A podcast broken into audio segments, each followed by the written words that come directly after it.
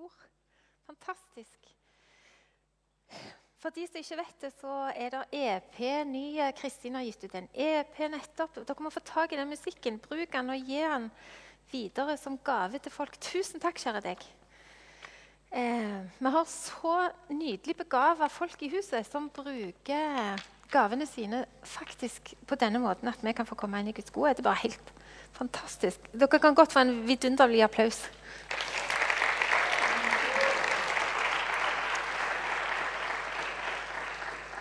Hvis det er noen som vil ha litt mer popkorn, så har jeg her. Skal, skal jeg prøve meg én? Prøve én.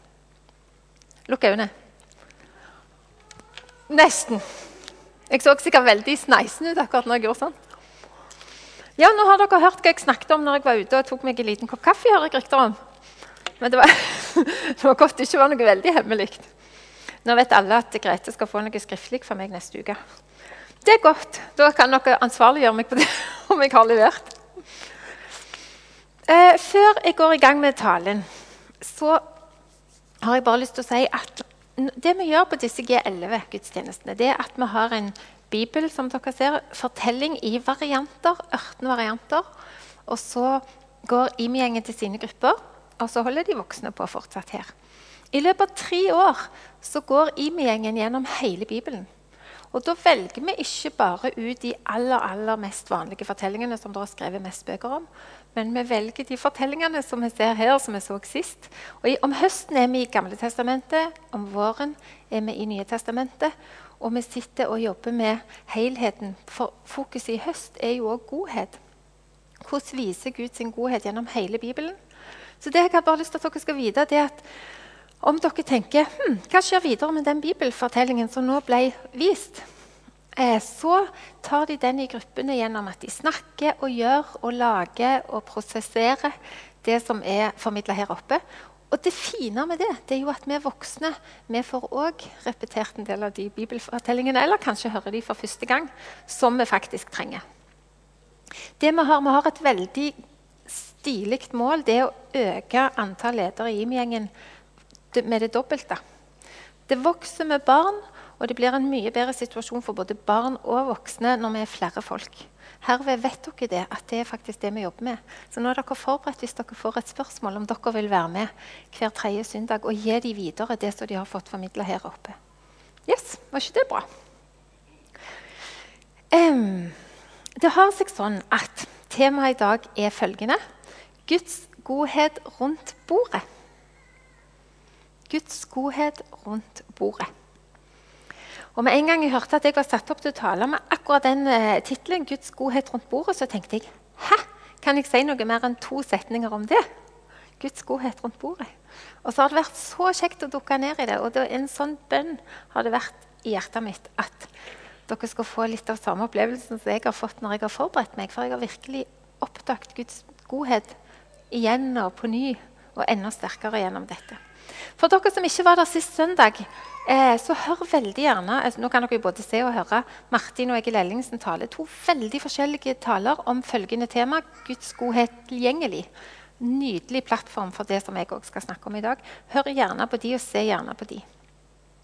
Det er en som har sagt at Hvis du tar vekk ordet 'fjell' og 'måltid' i Bibelen, så har du bare ei lefse igjen. Det står så enormt mye om fjell og måltid i Bibelen at det må være litt viktig for Gud. Og så tror jo jeg, Hvor mange av dere har hørt om fem kjærlighetsspråk? Mange. Det er ord, gode ord, og det er berøring, og det er tjenester og tid og anerkjennende ord. Og gaver. Eh, og jeg tror at måltid og mat må være det sjette kjærlighetsspråket. Kanskje spesielt for unge menn. De blir så himla glad hvis de får god mat, og menn generelt. for så vidt. Men jeg lurer meg på om vi, vi må utvide den boka litt med at måltid kan være et, et kjærlighetsspråk. At vi kan oppleve oss elska gjennom et godt måltid.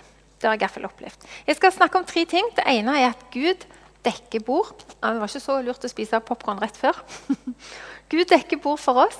Det andre er at Jesus har et sterkt forhold til måltid. Og det tredje hva vil det si for oss? Er dere med på det? Liv Eva er med.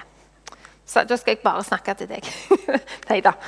Du, i I det første punktet, som er at Gud dekker bord, så står det allerede Mosebøkene er, er de første bøkene i Bibelen. Det står i Mosebok, det femte Moseboken, det er fem Mosebøker, om at Gud, når han skal føre folket sitt inn i det nye landet, så poengterer han at det skal være et land fylt av noen som husker? Mye høyere. Melk og honning. Så han, han, nevner allerede der at det skal være noe godt å spise, noe godt å drikke. Melk og honning var liksom det ultimate, som han da eh, beskrev. Overflod. I tredje Mosebok, i kapittel 23, der står det om, lista opp om hva de skal gjøre på de forskjellige høytidene. For når Gud leda Israel ut av Egypt, så var jo det en vanvittig ting. Sant? Han lagde vei i vellinga, holdt jeg på å si. Han lagde vei i eh, sjøen for at de skulle slippe unna slaveriet i Egypt. Og hvert år så skulle de feire så og så mange dager, spise den og den maten og si de og de tingene og fortelle det videre til neste generasjon hvordan Gud hadde redda dem gjennom.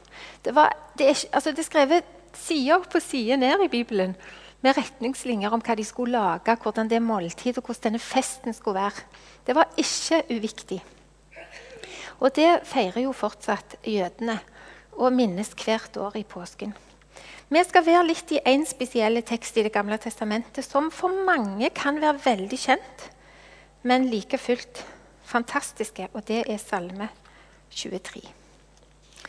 Og den har tatt meg sånn i det siste med akkurat den, det ene aspektet som har med dette temaet å gjøre, med Guds godhet rundt bordet, at jeg håper det tar dere òg litt her og nå. Jeg har lyst til å lese hele salmen.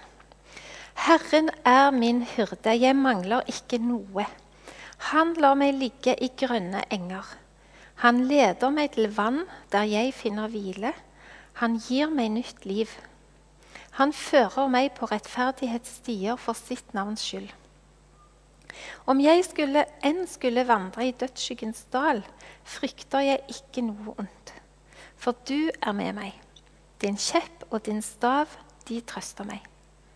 Du dekker bord for meg like foran mine fiender. Du salver mitt hode med olje, mitt beger renner over. Bare godhet og miskunn skal følge meg alle mine dager, og jeg skal bo i Herrens hus gjennom alle tider. Jeg kunne egentlig sagt amen nå. For den salmen tar jo tak i oss. Men her står det faktisk at Gud dekker bord altså du, Han sier det jo til Gud. Du dekker bord for meg, Gud. Jeg holdt på å si, Ta bare litt tid der du bare tenker hva vil det si. Jeg satt og tenkte, så tenkte jeg det er himmelens og jordens skaper. Skaper av alt liv, alt levende. Vi har ikke fått til å skape noe levende etter Gud skapte. Altså, Universets herre han som har gitt oss livspusten som gjør at vi sitter her i dag. Han dekker bord for deg og meg. Og vil ha fellesskap med oss. Han vet, Det er jo han som har skapt oss. Han vet at vi er kropp og sjel og sinn og ånd. Vi er ikke, vi er ikke sånn at eh, vi er, trenger å skille. Her er det naturlige med meg, og her er det åndelige med meg, og her er ditt, og her er det for Gud har skapt oss som hele mennesker, for han er jo hele. Og han dekker bord for oss. Når han sier det, så tror jeg han sier det fordi han vet at det med å dekke bord, det å spise, det å ha måltid, det vet alle og kan relatere noe til. På godt og på vondt. Noen har gode forhold til måltid, kanskje fra oppveksten sin. Noen har vonde forhold til måltid. Noen har kanskje knapt spist måltid i familien. Men vi for, alle forbinder noe med måltid, om det er på godt eller vondt. Og Gud sier at han dekker bord for oss. Og så til og med like foran mine fiender. Han gir oss ikke sverd og skjold og liksom, nå må du begynne å kjempe. Han dekker bord for oss. Husker dere Josjafat? Han skulle ikke kjempe, han skulle lovsynge Gud. Altså, det er så mange Vi må snu så ofte i hodet vårt hvordan vi skal tenke i Guds rike. Han dekker bord for oss, folkens. Vet du hva? Ta det inn og la det synke inn, at det er sant. At himmelens og jordens skaper dekker bord for oss. Jeg var på åpen himmel. Hvor mange av dere var på åpen himmel i september? En god del av dere var det. Da har vi òg åpen himmel fra 10 til 14 på fredagskvelden. Der hun som da hadde det, Elisabeth Tobiassen, eh, hun hadde dekt et altså, som bygnende bord der det var frukt og sjokolade og snop og gjærbakst og jeg vet ikke hva det ikke var. Det var bare helt sånn det der bordet det liksom er klistra inni hodet mitt. Så Prøv å se for dere at det bare det vakreste, flotteste, mest sånn fristende bordet dere kan tenke dere. Et sånt et bord dekker Gud for oss. Jeg tenker Hvis jeg i min hverdag, i mitt liv, når det stormer, og når livet er vanskelig og tungt eller stressende eller er for mye av alt Jeg er klar over at vet du hva, Gud, du dekker bord for meg midt i dette. Og når livet er godt, og det, går, det, er kjekt, og det er gode ting som skjer, og mye å feire, da dekker han òg bord for oss. Jeg, tenker, jeg, jeg, merker hvordan det tar meg, og hvordan jeg tenker når, når det nå oppstår ting. Så merker jeg å Gud, du dekker jo faktisk bord for meg. Du har kontrollen. Du gir meg det jeg trenger. Jeg syns det er så Jeg trenger det så godt. Vi kan på en måte la skuldrene synke og vite åh, vi skal ikke gjøre noe spesielt nå. Nå skal vi få ta imot. Er ikke det godt å vite? I Salme 34 der står det 'Smak og se at Herren er god'. Smak og se. Han vil ikke bare det skal være noe for tanken vår. Han vil at vi skal kjenne det og vite det og høre det og oppleve det og erfare det. At han er god. Guds godhet rundt bordet, som Gud dekker for oss. Når jeg var alene med jentene, så ble vi invitert en gang til Norun på kumler, og vi ble invitert til Solvår på laks. Og så tenker jeg det er mange år siden jeg husker ennå hva vi fikk. Det var så godt å bli invitert hjem til noen når du liksom hadde ansvar for mye, og du var alenemor og mye som skulle ordnes, og selv stort sett var det jeg som lagde maten. Det er vel ikke helt feil å si. og så var Det altså, det føltes som en fest, en vanlig hverdag, å bli invitert hjem til noen. Gud vet så hva vi trenger. Og det er godt. Og Det er et uttrykk for dette her med viktigheten av et måltid, av å få noe servert. Det er godt for oss. Er dere fornøyde så langt? Ja, gode nyheter. gode nyheter. Punkt nummer to Jesus og måltid. Det tar for lang tid nå å ramse opp og lese unnskyld, alle disse tekstene. Men jeg har bare lyst til å nevne for at vi blir minnet på noe om dette med Jesus og måltid. og hvor viktig del det var faktisk i hans liv av det han gjorde. For det første I Lukas, 5, nei, i Lukas 9 står det om at Jesus metta 5000. Han ga dem ikke bare ord og undervisning og godhet, på sånne måter, men han ga dem faktisk mat når de var sultne. 5000. I dette rommet er det 1800, plass til 1800 stoler. Så det er en del folk.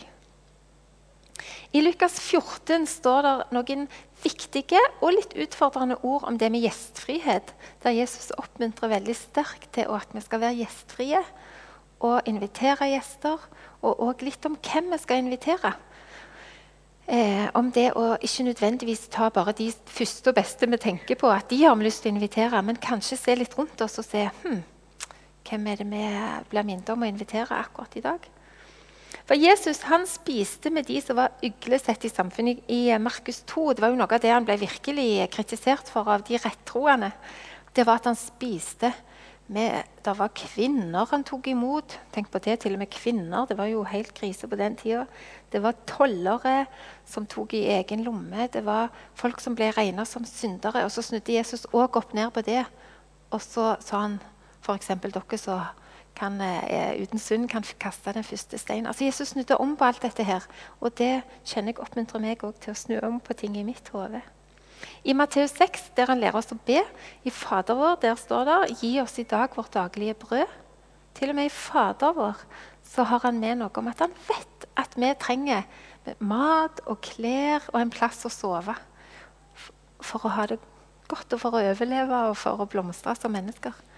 Og han minner oss også gjennom den bønnen at han vil sørge for oss. Vi skal be til han òg om, det.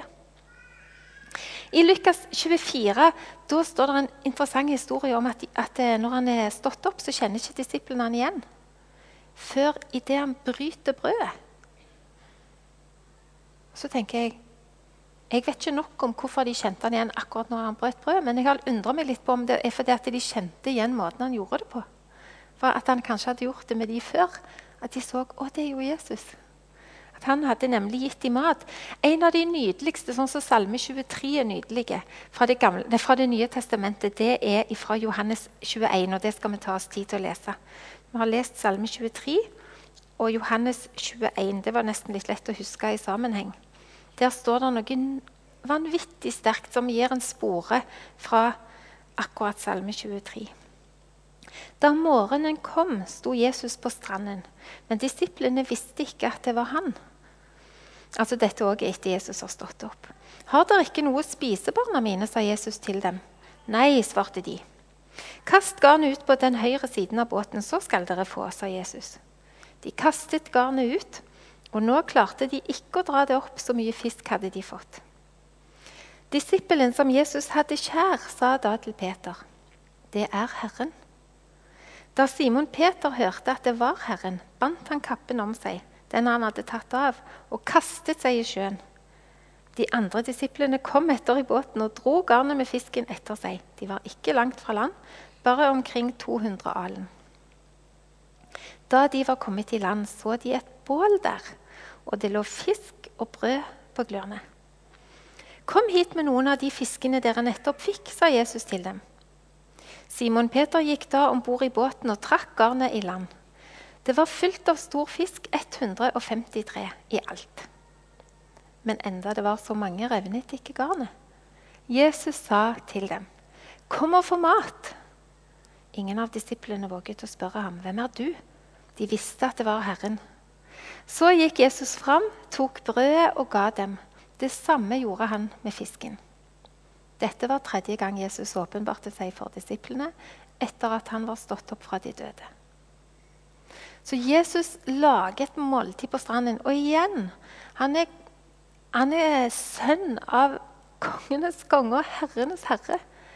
Og han, skal, han vet at han skal eh, snart dra opp til sin far. Han har gitt livet sitt for dem. Og så gir han dem i tillegg frokost på stranda og steike altså, han, For han tenker ikke at 'å, jeg er så høyt opphøyd at det kan ikke jeg ta meg av'. Det må dere andre ta dere av. Det sier meg altså så vanvittig mye om den Gud som jeg får tilhøre og får tjene, som sier til meg 'Vil du gi livet ditt for meg?' Og så gir han ikke og jeg holdt på å si bare livet sitt for meg, men han gir til og med dette at han gir meg mat. Jeg, jeg kjenner jeg det er som moderne uttrykk å få hodet sitt rundt det. Jeg klarer ikke å få hodet mitt rundt det, men jeg tar imot med hjertet mitt. I Johannes' åpenbaring så eh, står det, helt, det er det helt siste boka i Bibelen. Der står det at Jesus står for døra og banker, og da snakker han om å banke på hjertene våre. Fordi han har lyst til å komme inn, og han vil ikke bare komme inn, men han vil holde måltid med oss. Og På Jesu tid, når Jesus levde i den første kristne kirka, så var det med å ha måltid det var ikke småtteri. Du sa ikke bare 'kom, alle som vil'. Det var veldig nøye med hvem som ble invitert. Husk det jeg sa om at det var, ikke, det var veldig mye kritikk på det Jesus gjorde, på at han inviterte så mange som ikke var godtatt. Når du ble invitert til måltid, da var du virkelig en del av gjengen. Altså. Da var du virkelig anerkjent og var verdig. Og det er det Jesus sier at han vil gjøre med oss. Enten vi er jøder eller ikke, om vi er store eller små, om vi er voksne eller barn, om vi er rike, fattige, om vi får til livet eller ei. Det er ikke det han spør om. Han spør kan jeg få komme inn og holde måltid med deg. Han er det vi fyller, folkens. Det er så fantastisk. Og til sist i denne delen det ultimate kjærlighetsmåltidet som er nattverden, som det står om bl.a. i Lukas 22. Jeg nevnte for dere i stad at dette påskemåltidet til minne om utferden av Egypt det feires hvert år. Og Det var i starten av at de skulle begynne å feire dette, at Jesus da, uten at de vet det fra før av, tar fram vinen og tar fram brødet og bryter det. Og sier at gjennom dette så er jeg nær. Gjennom dette så er jeg nær. Nå skal jeg snart lide og dø for at dere skal slippe å dø for alltid. Og dere, når jeg er borte, så skal dere gjøre dette til minne om meg. Og Jesus velger igjen et måltid for å gjøre noe så viktig og så Ja, viktig er ikke ordet. Gjøre noe så um, Hva skal jeg si? Jeg har nesten ikke ordet på det. For å gjøre akkurat dette med å gi seg sjøl til oss gjennom et måltid. Der vi spiser og drikker og faktisk får helt tak i i organene våre. Det kan ikke bli mer fysisk, det vi spiser og det vi drikker. Så neste gang vi feirer nattverd, så tenker jeg jeg vil bare enda mer bli minnet på at Gud gjennom dette så holder du måltid med meg. Og jeg skal slippe å dø for alltid fordi han har gjort det. Guds godhet er tilgjengelig for oss gjennom det Jesus har gjort. Ok, Da er det siste del som går på hva det sier til oss. Hva dette sier til oss. Og En måte å vise det på det er at dere skal få se et lite klipp. Dere skal få se to klipp. Først ett lite fra en film som heter 'Babettes gjestebud', som er en bok av, bygger på en bok av Karen Bliksen. Hvor mange har sett den eller lest boka? Ganske mange.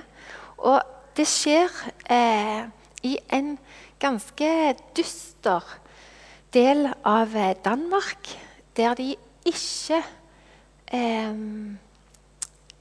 på en måte har helt tatt inn i seg at Gud dekker bord for dem, og at han vil dem vel, men der det er veldig mye snakk om lover og regler, og du skal absolutt ikke glede deg over jordiske ting, f.eks. mat, for det er ikke åndelig. Og det er ikke spesielt lystelig og fritt og godt å være kristen i dette miljøet. Og så er det ei dame som de på dette tidspunktet ikke vet hvem er, som lager et måltid for dem. Er du, kjære, klar med filmen? Fantastisk. Snurr del én.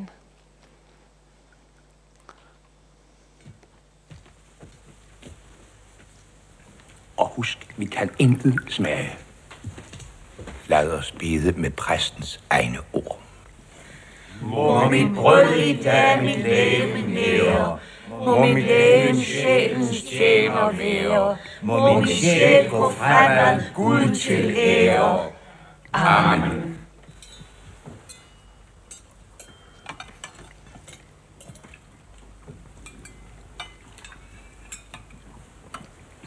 Du siger ikke noget om maden. Ikke et ord. Ligesom ved brylluppet i Kana, maden har ingen betydning. Vi vil ikke skænke det en tanke.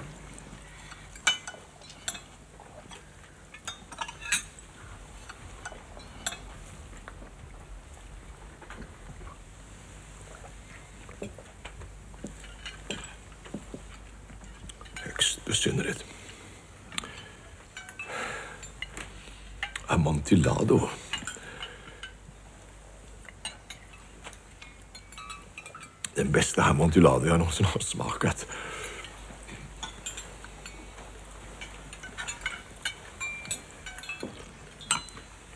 Dette er utvivelaktigt ekte skjellpaddssoppa.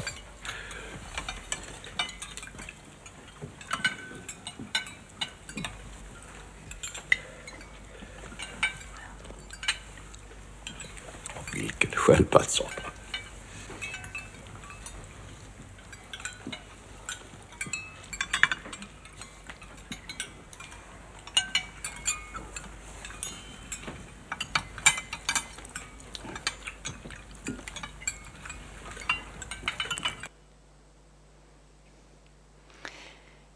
Som dere ser, en gjest med denne her, eh, ja, uniformen på seg. og han, han, bor ikke her til vanlig, så han er litt mer fri, frilunte i møte med denne maten.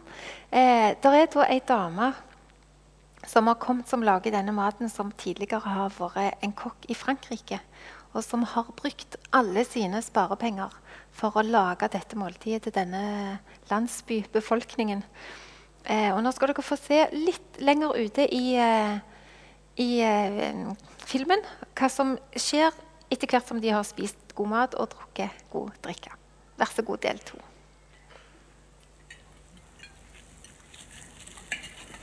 Her er det skilpadder og frosker og forskjellige avanserte ting.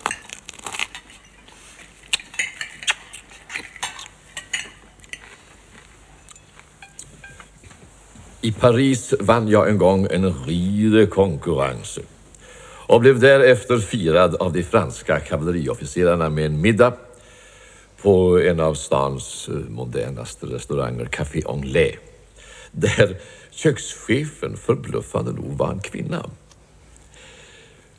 Vi fick Kai en sarkophage, en rätt som hon själv komponerat. General Galifé, som var värd för kvällen, förklarade att denna kvinna, denna kökschef, var kapabel att förvandla en måltid till en slags uh, kärleksaffär. Ett uh, älskogsförhåll där man inte längre kunde skilja mellan fysisk och anelig aptit. General Gallifet berättade att han förr utkämpat dueller för en vacker kvinnas skull. Men att det nu inte längre fanns någon kvinna i Paris för vilken han ville utgjuta sitt blod, utom för denna kökschef. Och var kjent som tidens største kulinariske geni. Det vi nå eter, er just Kai on sarkofage. Halleluja. Men det är verkligen Kai on. Ja, det, det er det.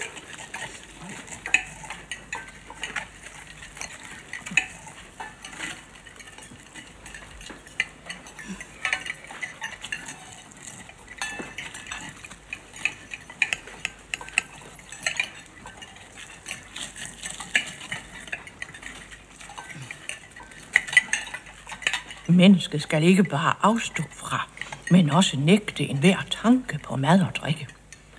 Først da kan han spise og drikke i den rette ånd.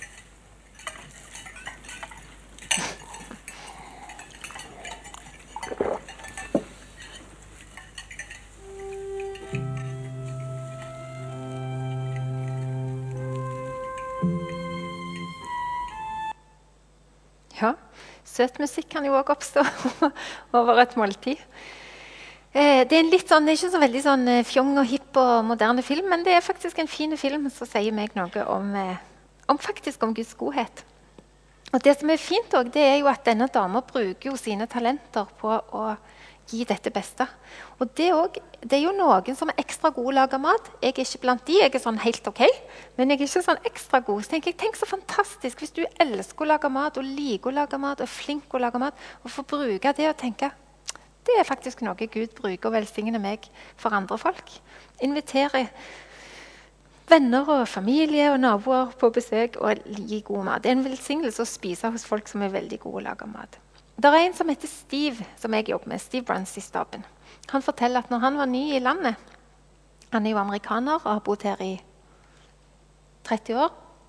Så ble han invitert inn i en familie som eh, gjest, som middagsgjest. Og etter hvert var han der så mye og spiste hos de at han sa jeg gikk fra å være gjest til å være sønn. Så tenker jeg så nydelig sagt. At det kan gjøre at vi kjenner oss som ikke bare gjester i et hus, men som sønner eller som venner til de vi kommer til. Jeg syns jo kanskje at nå for tida så er det himla mye fokus på hva vi skal spise. Hva vi ikke skal spise. Hva vi må helst ikke spise, og hva vi bør spise.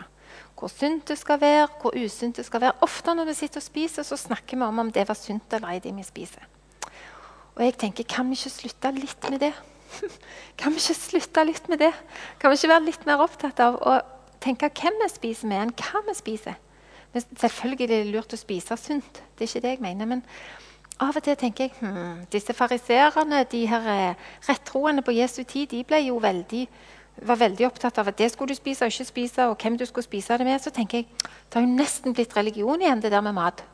Kan vi ikke slappe litt av? Og om vi av og til spiser noe usunt og av og til sunt, så tenker jeg det viktigste er faktisk hvem vi spiser med, og ikke hva vi spiser. Det er jo litt feil. Dere skjønner det. Dere skjønner pointet mitt. Det er viktig hva vi spiser òg. Men ikke la bare det være tema for oss. La oss være en litt annen eh, gjeng i møte med det. Um, selve evangeliet, det som jeg har lest i Salme 23 i Det nye testamentet, det Jesus har gjort for oss, det at han blir brutt som et brød eh, som vi får ta del i i frelsen, det gjør jo at selve evangeliet det er ikke prestasjonen, sant? men det er å ha en relasjon til Han. Og måltider, det å ha et måltid med noen, om det er sånn som jeg hadde sist uke, en kaffe med naboen på terrassen, eller om det er en enormt lenge forberedt fest med kandelabre og treretters middag og froskelår og skilpaddesuppe, eller om det er noe midt imellom der, eh, så er det så mye godt som kan skje ut fra at vi har et lite måltid eller en kaffekopp eller noe sånt sammen. Jeg tenker at om jeg er alene og lever alene, eller om jeg lever sammen med en familie, eller om jeg inviterer noen hjem til meg, noen naboer eller noen venner eller noen som jeg kjenner eller noen som jeg ikke kjenner, så har jeg faktisk hatt engler på besøk. Og det er en nydelig tanke for meg. At vi har hatt engler på besøk når vi inviterer noen inn i livene våre. Om det er enkelt eller avansert. Om jeg lever alene og trenger å bli minnet på at Gud dekker bord for meg, og jeg har fellesskap med deg, Gud. Eller om jeg lever i en familie der vi ikke alltid bare har fokus på hva vi spiser, men at vi spiser sammen. Det er en trend nå for tida at familier ikke spiser sammen lenger. Jeg hører folk fortelle at så rart. Det var så godt å få komme ned og sette seg ned i familien og spise. For hjemme hos oss da tar vi bare ei skive på benken. Vi sitter ikke ned sammen. Det er stor forskjell på det. folkens. Sitte ned og spise, og bare én spiser da og én spiser da. Og det å få invitere inn i min stue eller på min terrasse eller på mitt kjøkkenbord eller mitt spisebord Da vet du hva? Da er Gud tilgjengelig, og Guds godhet er tilgjengelig. Er ikke det en god ting? en så praktiske ting som det å spise sammen kan være gjenstand for at Guds godhet er tilgjengelig. Så for det ene Gud dekker bord for deg og meg. Han vet nøyaktig hva vi trenger akkurat i dag. Han dekker bord for oss. Han vil gi oss bare, bare, bare gode ting denne dagen. For det andre Jesus har vist oss hvordan dette med måltid er viktig, og hvordan vi kan gjøre det, og hvordan vi kan tenke om det. Og han har sjøl gitt seg sjøl for oss. Og for det tredje vi skal få invitere andre inn i vårt liv. Og ikke tenk at ah, den og den har sikkert så mange inviterer. Jeg syns det er kjempegodt å bli invitert. Ingen av oss tror jeg vil si at det er noe veldig Hvis du får tre invitasjoner på samme dag, så kan det være litt vanskelig. Men det er stort sett ikke det vi sliter med. Jeg kjenner det godt å bli invitert. La oss ikke tenke at den har sikkert så mange som inviterer. eller den har så mange. Alle syns det er godt å bli invitert. Ja, det har jeg lyst til å slutte med. Vi ber en bønn sammen. Kjære, gode far, jeg takker deg for at du vet hvordan vi er skapt.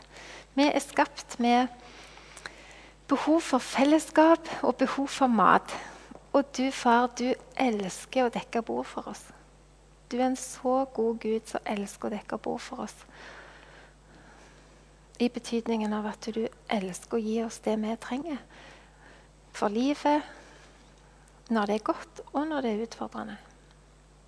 Jesus, jeg takker deg for at du har gitt ditt liv for oss. Og for at du har vist oss noe av hvordan vi kan leve i møte med dette. Far, jeg takker deg for at ikke dette skal bli noe stress, men det skal bli en god ting. At vi kanskje spiser enda mer sammen, eller drikker enda flere tekopper eller kaffekopper sammen i tida som kommer. Sånn at eh, bare med å være sammen så blir din godhet tilgjengelig, for det er et bilde på din godhet at vi dekker bord for hverandre. Det takker jeg deg for. Kom og tal til oss med det vi trenger hver. Vi er forskjellige folk i dette rommet og i denne menigheten. Tal til oss med det som vi trenger fra deg akkurat nå. Vi er så glade for at du er glad i oss, og vi er glad i deg.